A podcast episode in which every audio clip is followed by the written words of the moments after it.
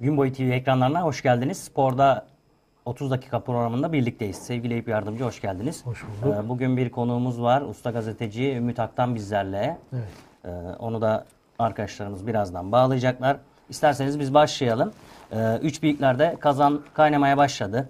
Evet. Ee, Kongreler konuşulmaya başladı. İlk önce Fenerbahçe ile başlayalım istersen Eyüp abi.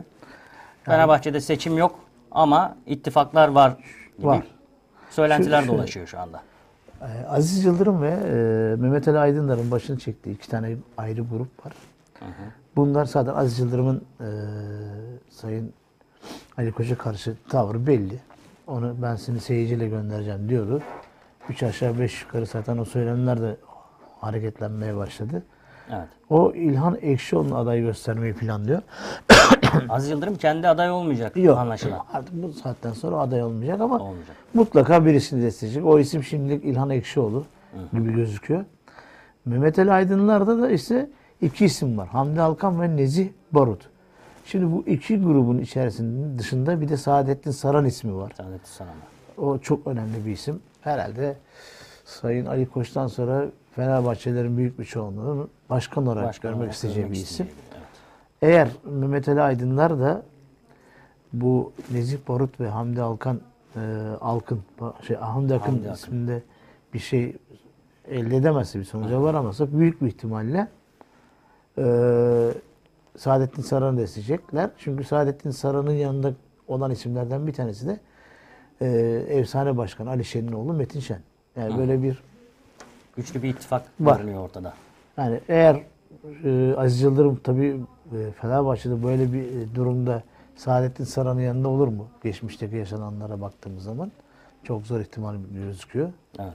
Çünkü e, Aziz Yıldırım'ın olduğu grubun şöyle bir tavrı var. Ya bizdensin ya değilsin. Yani biz kimseyle bir, İttifak ittifak yapmayacağız.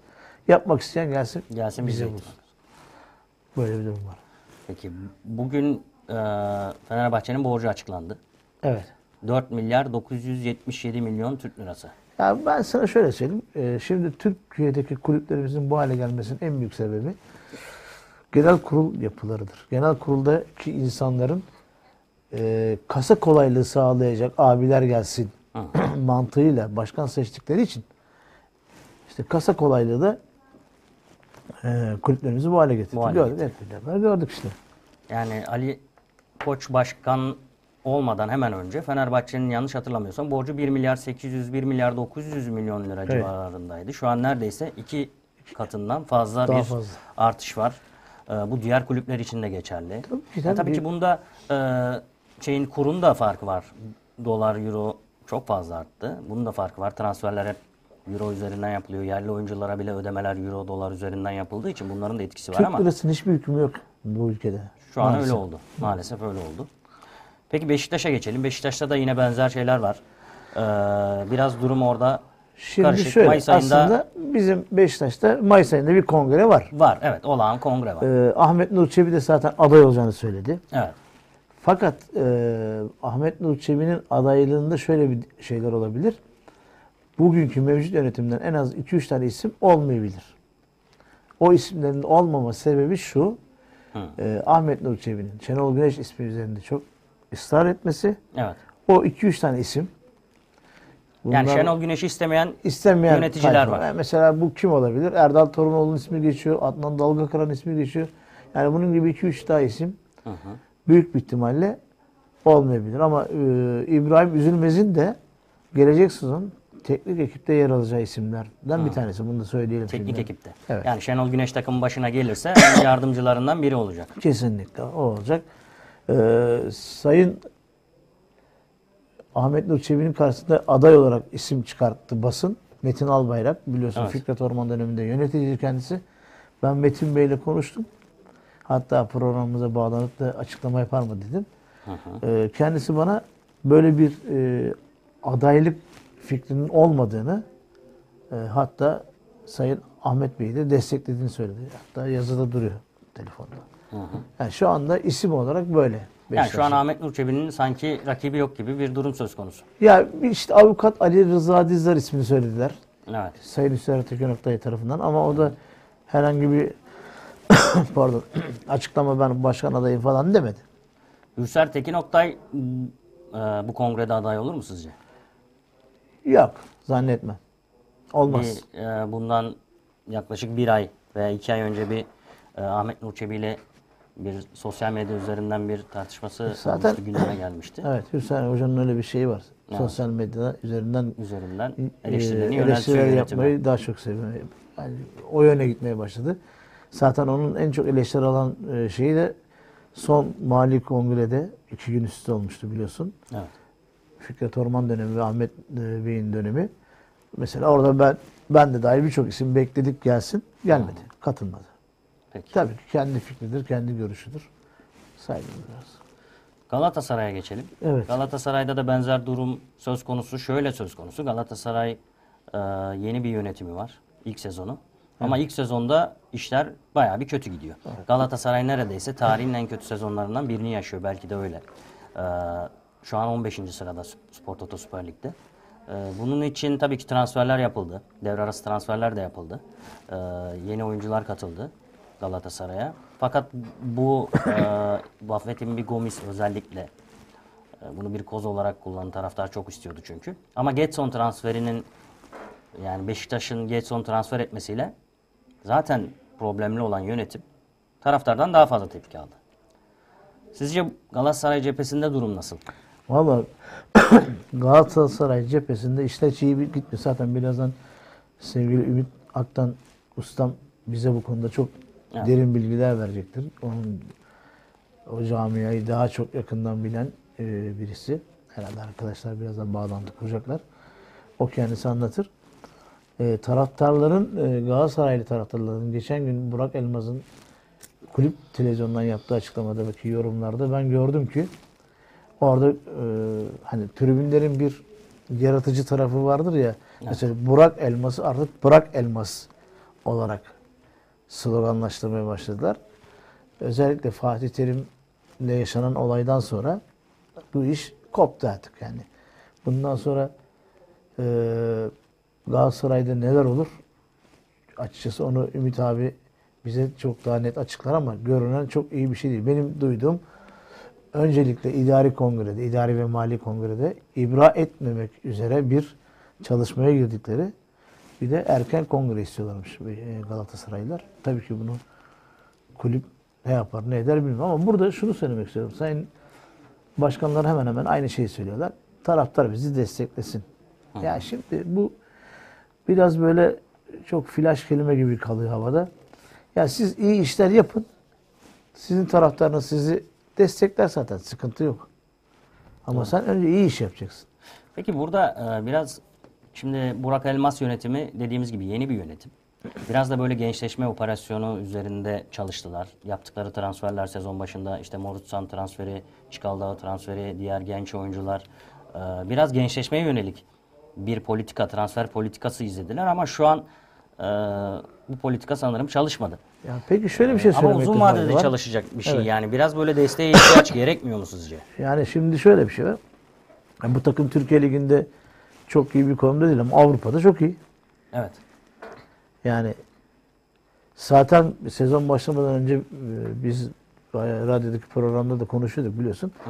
E, Fener, Beşiktaş ve Galatasaray'ın Avrupa'daki süreçte çok yıpranacağını, bunun da lige yansıyacağını söylüyorduk. Ki öyle oldu. Trabzon zaten en büyük avantajlarından bir tanesi bu. Evet. Üç önemli rakibinin Avrupa'da çok yıpranması. Ha Fenerbahçe ile Beşiktaş çok olumlu işler yapmadı. Özellikle Beşiktaş hiç olumlu işler yapmadı. Ee, Sergen Yalçın'ın gereksiz sistem kargaşası, gereksiz oyuncu tercihleri Hı hı. e, Beşiktaş'ı Avrupa'da hakikaten hüsran dolu zamanlar yaşattı. Evet. Bu lige çok ters yansıdı biliyorsun. İnişe başladı. Ama Galatasaray en azından Avrupa'da önemli işler yaptı. Üst tura geçti.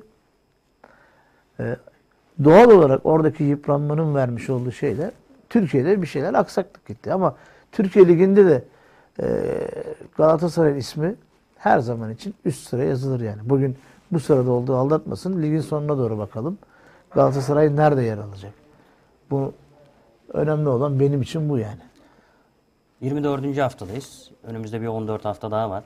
Yani 14 haftada çok uzun bir süreç. Evet. Alınacak çok fazla puan var. Burak Elmas'ın da geçenlerde bir açıklaması olmuştu. Şimdi e, Avrupa'dan bahsedince aklıma geldi. E, UEFA finali için hazırlanın gibi bir söz söyledi. Sence gerçekçi mi Eyüp abi UEFA finali? Şu anki mali koşulları, e, takımların kadro durumlarını göz önünde bulundurduğumuzda Ya yeniden şu- bir UEFA finali gerçekçi mi? Ya neden olmasın? Çünkü şöyle söyleyeyim yani tamam Galatasaray ligde çok kötü ama Avrupa'da aynı kadroyla başka işler yapıyor. Evet. Kadrosunu da güçlendirdi şu an. Yani Kaleci problemini Inaki Peña ile çözdü. Geçici Yani- olarak da olsa. Galatasaray da en büyük handikap sanırım kaleci. Yani Muslera'nın yokluğu çok büyük etken yani. İşin gerçeği bu. Özellikle işte ligin ara verilmeden önceki son Trabzonspor maçında Fatih Öztürk öyle bir top attı ki yani herkes o maçta Ta- Taylan Antalyalı'yı Evet. kabahatli buldu, suçlu buldu ama kardeşim yani o dakikalarda iki tane önemli hızlı Trabzonlu oyuncunun arasında olan Taylan'a top atarsan topun kaptırılma oranı yüksek. Vur gitsin diye bir şey var hani. Halı sahada bile top atarsın ileriye. Ya vur gitsin. Ne gerek var? Niye riske giriyorsun? Bak riske girdin. En azından berabere bitireceksin. Hani ilk 45 dakikadaki oyununu hak ettiğin bir galibiyet. Evet. Ama ondan sonra Trabzon'un birazcık sazı eline alıp da oynaması. Ee, beraberlikle hadi en azından dedi, berabere bile bitecek dediğim maçı sen kaybettin. En azından Galatasaray için iyi moral de olurdu. İyi başladılar maça. İlk yarı dediğin gibi iyi oynadılar. Evet. Ee, yeni teknik direktörü için de galibiyet olmasa bile ilk puanıyla tanışmış olma gibi bir durum olacaktı ama olmadı maalesef.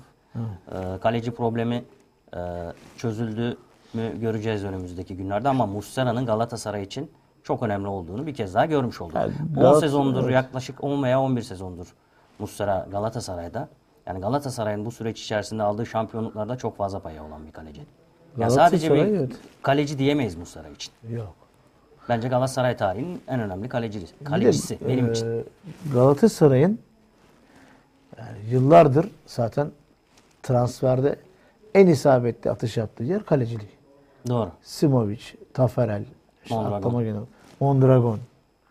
Ya hep böyle bir Haydar vardı. Hayrettin vardı çok özür dilerim. Evet. İşte o işte Hayrettin. Arada ufak tefek Leo Franco İşte 2-3 faciası tane öyle oyuncu Evet. oldu. Evet, evet. Ama onun dışında Galatasaray'ın hakikaten yıllardır transferdeki yaptığı en başarılı iş kaleci. Doğru. Yani senin kalecin sağlamsa, güven de veriyorsa bir de Mustera gibi böyle e, oyun kurmada da çok üst akıllı bir kaleci. Ee, aynı zamanda kaptanlık pazı bandı kolundayken sakatlandığında bile tesislere gelip arkadaşlarına yardımcı olan, moral veren bir adam. Kendisinin morali ihtiyacı olmasına rağmen gelip de orada moral veren bir insan. Tam bir örnek profesyonel diyebiliriz. Rakip takım oyuncularının bile Evet. e, takdir ettiği, beğendiği bir. Bu arada acaba bizim Ümit abiyle bağlantımız gerçekleşecek mi? Onu, evet. Evet, Ümit abiyi bağlayabiliriz. Biz de onu... Heh. Ustacığım merhabalar, hoş geldiniz. Evet, ben hazırım. Usta gazetecimiz Hoş bulduk. Mutfak'tan hoş Yelican geldiniz. kardeş, Eyüp yardımcı dostum. Hepinize sevgiler, saygılar sunuyorum. Kolay gelsin. Buyurun. Saygı Sevgiler bizden Ümit abicim.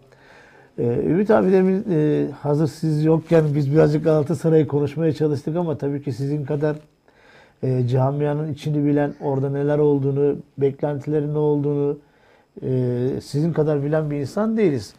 E, Galatasaray Burak Elmas'la Yani- yola çıktı. Belki e, Eyüp biraz daha fazla ayrıntı verebilirim veya e, detaylarda benim bildiklerim sizin bildiklerinizden biraz daha fazla olabilir. E, çünkü görünen bir gerçek var. Bunu görüyoruz ve bu çok büyük bir sıkıntı. Olmamış bir şey. Şimdi sizin sıralamanızla gidersek Fenerbahçe ile başladınız. Fenerbahçe konusunda şunu ekleyebilirim.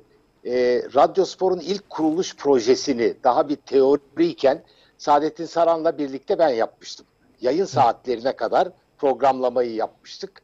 E, çok yakından tanıdığım, beraber çalıştığım ve TGRT'deki spor müdürlüğüm zamanında da naklen yayınlarımızda bize çok yardımcı olan bir isimdi, bir dostumuzdu. E, Fenerbahçe'ye başkan olma ihtimalini bu kadar seven ama başkan olmayan eşiğine gelince de olmak istemeyen bir başka figür yoktur. Eğer başkan olsa Saadettin Saran Fenerbahçe kanat takar uçar. Ama başkan olamayacak kadar başarılı bir iş adamıdır. İkincisi e, Beşiktaş konusunda Ahmet Nur Çebi'nin söylediklerinize ben de katılıyorum. Birkaç yöneticinin istemediği bir Şenol Güneş'i Ahmet Çebi'nin e, ku- kucaklayarak bir şekilde camiaya kabul ettirebileceğini hissediyorum. Belki e, Şenol Güneş Önder Hoca ile birlikte bile çalışabilir. İyi bir altyapı, bir teknik kadro desteği kurarsa niye olmasın diyorum. İki şampiyonluk getirmiş bir e, teknik adamdan bahsediyoruz. E, şimdi Beşiktaş'ta Şenol Güneş'i istemeyenler var ama Galatasaray'da Dominik Torrent'i isteyen bir kişi var. Onun dışında kimse istemiyor. O da Işıtan Gün. Yani e, hiçbir araştırma yapmadan, bir deneyimi olmadan, bir transfer tecrübesi edilmemiş olarak bu konudaki başkanların arasındaki en tecrübeli isim Burak Elmas'a bunu nasıl kabul ettirdi algılayamıyorum. Hala çözemiyorum. Çünkü Burak Elmas yaşının gençliğine rağmen 4 sene şampiyonluk ve ardından gelen Avrupa Kupası'nda futbol şubesi sorumlusu. Fatih Terim'le birlikte omuz omuza yarışan, çarpışan ve o başarının içinde pay sahibi olan isimlerden biri. Yani e, sevgili Dursun Özbek'ten de rahmetli andığımız Mustafa Cengiz'den de Ünal Aysal'dan da daha fazla futbol takımı konusunda deneyimli bir isim. Nasıl böyle hatalara düştü bilmiyorum. Çünkü bakın önümüzdeki hafta diyelim ki Kerem Aktürkoğlu'nun kılı döndü. Kart gördü. Forvet'e bakar mısın e, yardımcı? E, sol tarafta Babel, sağ tarafta Feguli, ortada Gomis. Toplamı 106 yaş. 106. Nasıl proje bu? Gençleşen projenin geldiği hale bakın.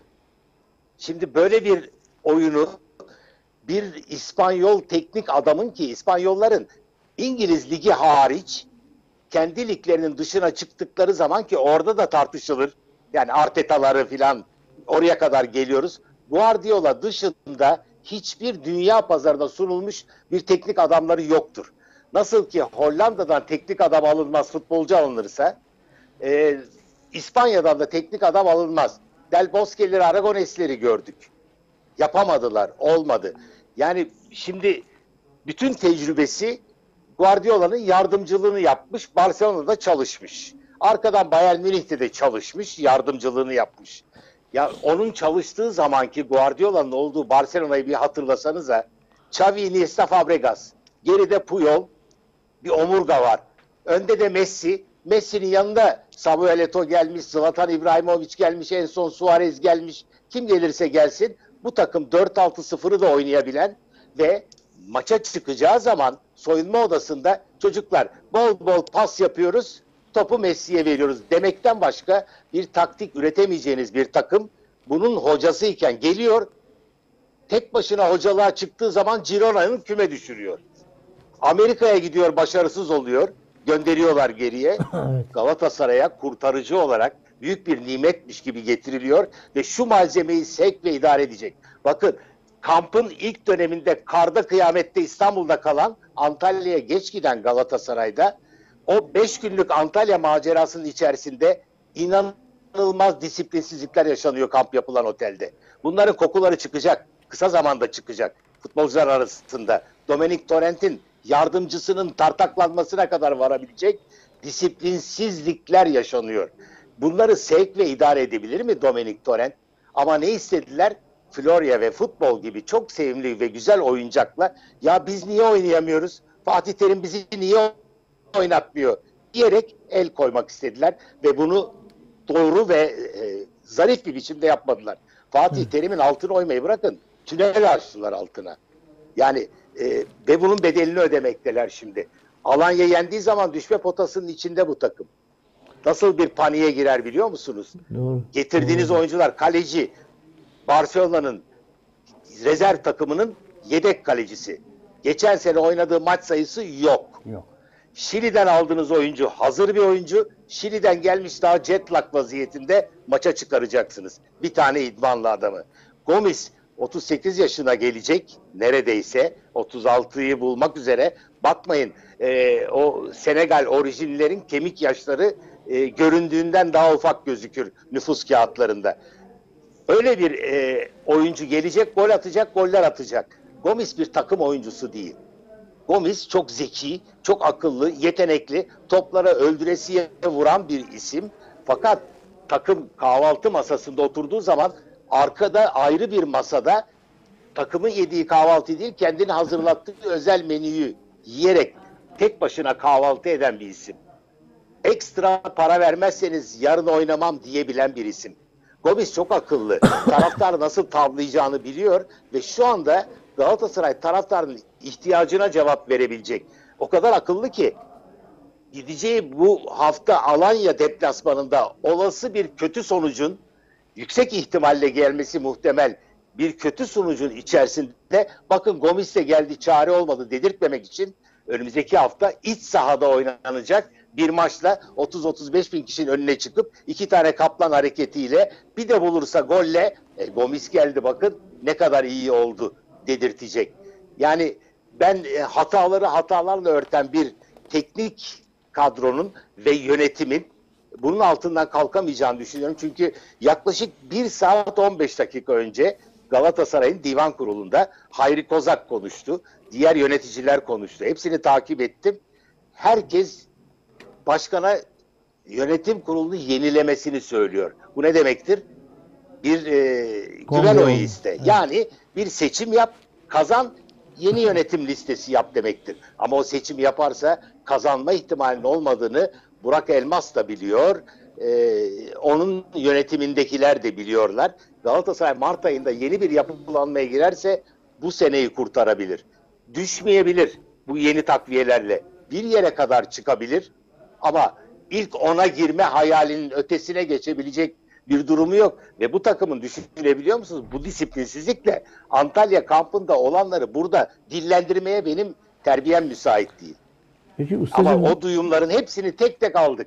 Çünkü Peki- bizim de içeride bildiklerimiz, tanıdıklarımız, haber alabildiğimiz insanlar var. Sadece futbolculardan değil bunlar. Başka yerlerden geliyor. Yani otelin kat görevlisinin anlattıklarını dinleseniz şu anda Galatasaray'ın ölüp yeniden doğması gerektiğine karar verirsiniz. O vaziyette e, sansasyonel hikayeler var. E, bu Galatasaray'ın Avrupa Kupası'nda yürüyebileceğini düşünebiliyor musunuz?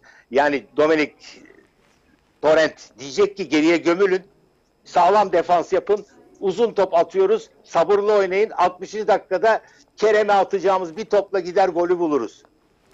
Ben Bunu mu diyecek, gidelim baskı yapalım mı diyecek. Ya bu adam üçlü defansa döndü, geriye düştü karmaşta. Aytacı da üçlü defansın ortasına koyup maçı kaç dört fark, beş farka götürdü. Yani Vallahi- teknik adamlığı da sınırlı. Biraz ağır oluyor ama Galatasaray Yok, yok. konusunda yani şöyle e, ustacığım şöyle söylemekte fayda var. çok şey var. Fatih Terim gibi büyük başarılara imza atmış. Galatasaray'ın Florya'sındaki tek hakim. Hakikaten tüm futbolcuların yerli yabancı karşısında saygıyla durduğu, sözüne kıymet verdiği, onun sözünden çıkmadığı bir teknik adamın üzerine bir de bu şekilde gönderdiğiniz, hak etmediği bir şekilde gönderdiğiniz bir teknik adam üzerine Torrent gibi bir ismi getirirseniz ondan otorite beklemek zaten bir e, sanki fikir azlığı gibi geliyor bana. Tabii. Ya, yani Fatih Doğru. Terim ismine Ee, çok Şimdi ondan otorite beklemek bir hayal. Zaten onların yani Avrupalı mantığıyla adam Lewandowski ile çalışmış. Lewandowski'ye akşam erken uyu oğlum diyecek haliniz yok ki. O zaten erken uyur. Bu akşam e, işte e, kampta kampta da değiliz. Evine erken git diyeceksiniz. O da erken gidecek zaten. Onu siz geç bıraktıramazsınız. Lewandowski'ye böyle bir şey yapabilir misiniz? O zaten kendi disiplinini kurmuş. Ama Galatasaray futbol takımında Torrent şey, dönüp baktığı zaman bir oyuncu ya bu kim der ya? Nasıl ki Mesut Özil kenara baktığı zaman Pereira'ya bu kim dedi ya? Ben Arsene Wenger'le çalıştım. Ben Real Madrid'de çalıştım, oynadım. Kimdir? Kariyeri nedir? Düşünür bunu oyuncular. Galatasaray'da da böyle bir şey var. Fatih, Fatih Terim'den vazgeçebilirsiniz. Gönderebilirsiniz ama bu şekilde gönderirseniz altında kalırsınız. Fatih Terim büyük lokmadır. Öyle bir tane ağzınıza atmakla yutamazsınız. Gırtlağınızda kalır. Acısı yavaş yavaş Mart'ın ortasında İbra'da sezon sonunda e, idamda çıkacak ortaya. Peki ustacığım e, buradan hazır Fenerbahçe'nin de sözü geçti. E, Fenerbahçe Löv'le işte önümüzdeki sezon için anlaşmaya vardı. Löv'ün de Türkiye'deki kariyeri belli. Çok başarılı bir dönem geçirmedi. Sadece bir Atatürk kupası var. Beşiktaş'ı yendiği bir maç. Tek kupası var. Yeni dönemde e, Löw Fenerbahçe'de ne yapar? E, hatta Mesut Özil'in e, Sayın Cumhurbaşkanı ile görüşmesinin ardından milli takımı bırakmasıyla ilgili o, o zaman e, bir gazeteye verdiği demeçte bana haber vermeden gitti. Keşke haber verseydi. Biz onunla yine bir yerde oturur, buluşur, konuşuruz. Sözü de e, basınımıza yansıdı. Önümüzdeki sene Löw Fenerbahçe'de Türkiye'de ne yapabilir? Yani o kesin mi? Löw Fenerbahçe'de mi? Bu, Şu e, anda- doğru kesin bilgi mi yoksa bir tahmin mi? Kesin bilgi diye söylenen bir şey yani. O da gene net bir ıslak imza yok. Bana da Schmidt'le görüştükleri söyleniyor. O güzel. Schmidt'le bayağı ciddi bir pazarlık içindeler. Ama PSV Eindhoven'ın hocası biliyorsunuz. evet. E, Galatasaray'ı e, ön elemede dışarıda bırakan e, e, hoca Türkiye'ye geldi oynadı. Başarılı o zaman şöyle bir şey var, Ama ben o ülkeden hoca almam söylediğim evet. gibi. O zaman şöyle bir şey var de- ustacığım. Gene böyle bu büyük takımlar öne bir isim atıp arkadan bir şeyler mi yapıyorlar? Yap, tabii. Yani Löw hayali güzel bir hayal. Fenerbahçe taraftarını şu anda başarısız durumda sakinleştirebilecek iki şey var. Bir, Galatasaray'ın önünde olmak. İki, gelecek büyük hocanın hayalini kurmak. Bu ikisi de veriliyor Fenerbahçe'ye. Bu olmasa o tribünler patlayacak zaten. Hem de fena patlayacaklar. Ve başkanı sallayacaklar. O çok güvendikleri, büyük projelerle gelen, büyük bir maddi güçle gelen, e, çok e, Fenerbahçe aşkıyla yanışıp tut, yanıp tutuştuğunu çok net bildiğimiz Ali Koç'a artık tepkiyi koymak üzerelerken bu hayaller çıktı orta. Bu iki serinletici unsur sakinleştiriyor ama Löw gelir mi bir? Yarışmacı hocalık yaptı mı tartışılır. İki, e, Löw'ün gelirse e, getireceği bütçe, transfer, oyuncu portföyünü Fenerbahçe ne kadar karşılayabilir? Çünkü Fenerbahçe'nin ara transferde bile oyuncu gönderemediği için oyuncu alamadığını biliyoruz. Ala ala bir tek Ozan Tufan'ı aldılar ki onda da çok doğru yaptılar bence. En azından sağ bekte bile oynayabilecek bir oyuncuyu alıp Ferdi'yi biraz daha özgür kullanma şansları olacak. O doğru ama onun dışında e, Fenerbahçe'nin yapılanmasında gelecek sene löve doğru bir hazırlık yapabileceğini düşünemiyorum ama bu üç takım da en kötü sezonlarını yaşıyor. Bundan kötü olmazlar seneye. Seneye meydan bu kadar boş olmayacak. Bunu kesinlikle söyleyebilirim. Yani Trabzon'un zaten en büyük avantajı e, demin de konuştuk. E, Fenerbahçe, Galatasaray ve Beşiktaş'ın Avrupa arenasındaki yıpranıp da lige dönüşüydü. Herhalde Trabzon seneye böyle bir e, Trabzonspor seneye böyle bir ortam bulabilir mi?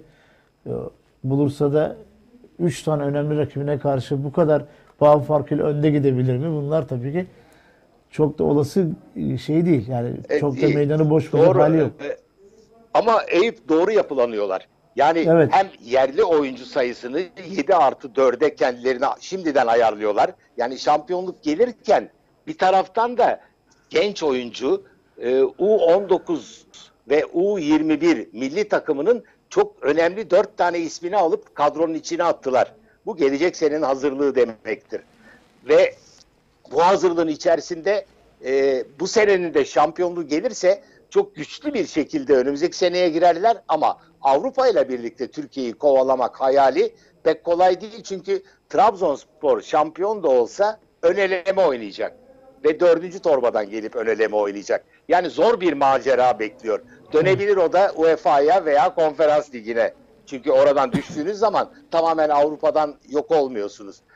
O Trabzonspor'un yeni yapılanmasını, kadro yapılanmasını ben doğru buluyorum. Hem bu sene için çözüme gittiler hem gelecek senenin kadrosunu oluşturuyor Abdullah Avcı. Ama Galatasaray, Fenerbahçe ve Beşiktaş'ın bu kadar kolay meydanı boş bırakacaklarını asla düşünemem.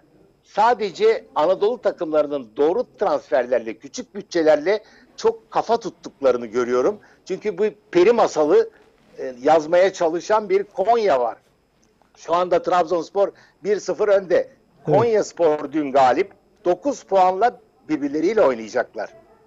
Trabzonspor ve Konya Spor. Ciddi bir tehdit oluşturuyor Konya Spor ve e, o peri masalını birinci olarak yazamasa bile ikinci olarak yazıp Şampiyonlar Ligi'nde öneleme oynama hakkını elde edecek. Oraları rezerveydi. Fenerbahçe, Galatasaray, Beşiktaş'a ayrılmıştı. Bu sene öyle olmadı. Ama seneye de böyle olacak demek değil. Ben beklemiyorum aynı hataları yapacaklarını. Çünkü yönetimleri değişme ihtimali olan takımlardan söz ediyoruz. Beşiktaş hariç. Beşiktaş'ta yönetimde bazı isimler değişebilir. Evet, Beşiktaş'taki kesin görünen şey Sayın Ahmet Nur Çebi Mayıs'ta yine büyük bir olasılıkla kazanacak. Ama e, listesindeki şimdiki var olan isimlerden 2-3 tane ismin kesin e, Evet. önümüzdeki sene olmayacak. O da bakalım Doğru. Bir de getirecek. Beşiktaş şöyle bir şey sağladı. Ee, e, bu Jetson transferiyle çok önemli bir iş yaptı. Prestij yönünden de bir artı değer üretti. Sadece oyuncu 34 yaşına gelmiş 40 maçın altına sokamayacağınız Josef de Souza ile birlikte oraya bir dinamizm kattı. Ve bu oyuncuyu da hazır olmadığı için 4 lig resmi maç oynamış. Evet. Bugüne kadar Ağustos ayından bu yana 4 resmi maç oynamış. Gelseydi elinizde kalırdı. Bu yarışmanın içine girseydi.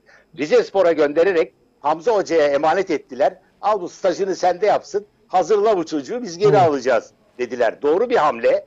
Ama o Can ile oynayan takımın içerisinde bir arıza yaşamazsa Jetson Fernandez orta alan için e, çok önemli bir katkıdır. Üstelik de menajer oyununa düşen Galatasaray'ın elinden alınmıştır. Daha ucuza alınmıştır. Peki Ümit Bey şimdi e, sezon başında Ahmet Nur Çebi'nin açıklamaları hep şu yöndeydi. Beşiktaş'ın tek bir kuruşunu bile sokağa atmayacağım. Fakat burada yaklaşık 100 milyon Türk lirası söz konusu Getson transferinde. Bir de sonraki satıştan da %50 Benfica'ya bir pay e, maddesi var. Sizce biraz e, mali anlamda Beşiktaş'a fazla yük değil mi? Özellikle e, kötü durumda olduğunu düşünerek söylüyorum kulüplerin. Sevgili Velican, e, bu, bu tür transferlerin iki cephesi var. Bir, e, takımın içerisindeki dengeleri bozuyor mu? Futbolcular Benfica'ya verilecek paraya bakmaz. E, Jetson'a verilen paraya bakar. O benden yukarıdaysa ben de aynı parayı istiyorum der. Tavan sende Gezzal'sa Gezzal'ın eşitini ister. Gezzal nasıl ki ondan fazla alan Pjanic'ten daha az almaya razı olmayacaksa ve Sergen'in son dönemlerinde e, biraz böyle ayağı topa gitmeyerek ya, ucundan kıyısından özür dilerim oynadıysa e, o duruma düşürebilir. İkinci cephesi ise e, oyuncunun size vereceği katkı. Bakın bir Casemiro olayı vardır. E, transfer tarihinin en önemli olaylarından biridir. Real Madrid bünyesindeki bu genç oyuncuyu ki şimdi tecrübeli ve direkt oynayan bir oyuncu e, gönderdi e, Porto'ya. Porto'ya verdi. Bir sene orada oynasın diye kiraladı. Ki gönderdiğinde de şöyle bir madde koydu. Sezon ortasında herhangi bir takım transfer etmek isterse 10 milyon euro ödeyecek Porto'ya. Ki gitmesin başka yere. Sezon sonunda da dönecek. Sezonun tam ortasında e, Pirlo sakatlandı. E, Pirlo diyorum. E, Modric, Luka Modric bir sakatlık yaşadı. Orta sahada büyük boşluk oldu ve şampiyonluk yarışının içindelerdi. 3 ay sonra bedava bünyesine dönecek olan Casemiro'yu 10 milyon euro verip Geri Porto'dan aldı, getirdi, oynattı ve şampiyon tamamladı sezonu. Bazen antibiyotik çok pahalı olabilir ama şart sağlayacaksınız. Jetson şarttı. Jetson'a verilen para dengeleri bozacak bir para değilse Benfica'ya verilen para helal olsun. Bir de üstelik yarıştığınız rakiplerden birine prestij üstünlüğü sağlıyorsunuz.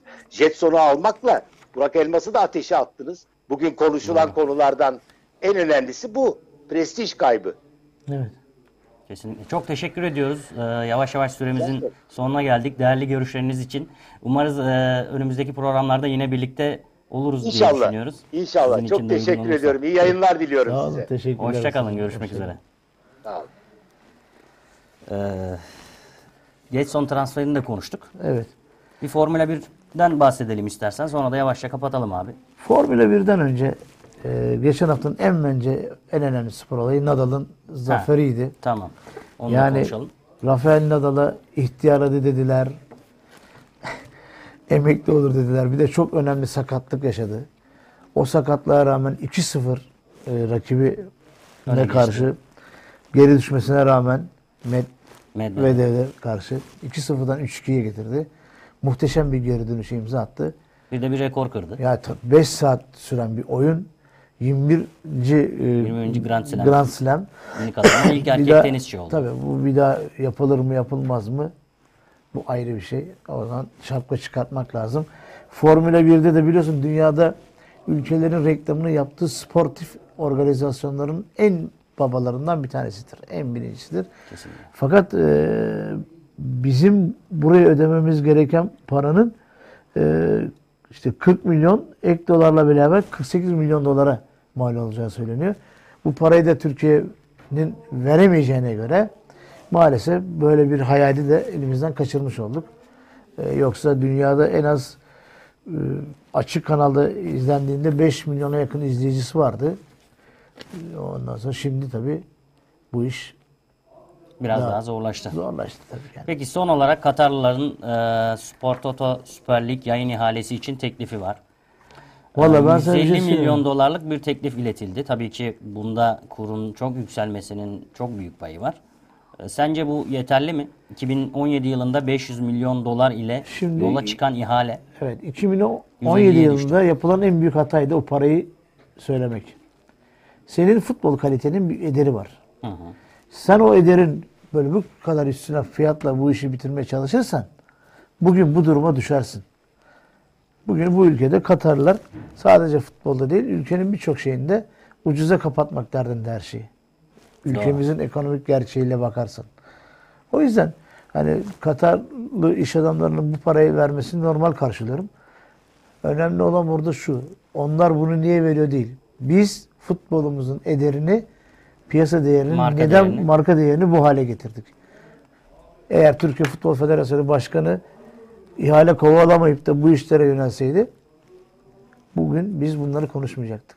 Doğru. ben sana şu kadarını söyleyeyim. Büyük bir ihtimalle yayınlar dijital ortamlardan yayınlanan kanallara gidecek. Onu soracaktım. Saran, Saadettin Saran grubu, e, Acun Medya veya TRT. Eksenle, TRT bunlar Bunlardan büyük bir biri- ihtimalle maçları herhalde kendi aralarında paylaşarak. paylaşarak Şu an zaten Saran grubu destek oluyor Acun Medya'ya. Şampiyonlar Ligi Evet, UEFA maçlarının öyle. yayınlanmasında biliyorsun. Evet. Ee, öyle bir yani sana şöyle söyleyeyim. TRT ve Saran grubu arasında diyelim. Arada da eee, Daha önce de olmuştu hatırlıyorsan bazı maçları TRT yayınlıyordu. Evet. Haftada bir maç yayınlıyordu. abi yayınlayacak çünkü bu paraları karşılayacak, alacak insanlar yok Türkiye'de. Türkiye'nin ekonomik halini görüyorsun. Bir ekmeğin et kaç para olduğunu görüyorsun. Millete simit yiyin diyorlar da simit 4 lira olacak. Kim simit diyecek? Yani kusura bakmasınlar da Doğru. bu işin bir gerçeği var. Ekonomik gerçeği var. O yüzden bu gerçeklik altında e, bu insanlar e, yayını sen işte paketi atıyorum aylık 100 lira 200 lira dersen insanlar da IPTV gerçeğine döner. Korsan artar. Korsan yayına döner. Bu kadar basit yani. Kimseye de suç bulamazsın. Çok teşekkür ederim. Rica ederim. Ben yardımcı. teşekkür ederim. Ben Ümit Ee, abimize de ustamıza da buradan bir kere daha teşekkür ederim. saygılarımızı iletelim. Ee, Sporda 30 dakikada birlikteydik Gün Boyu TV'de. Haftaya yine görüşmek üzere. Hoşçakalın.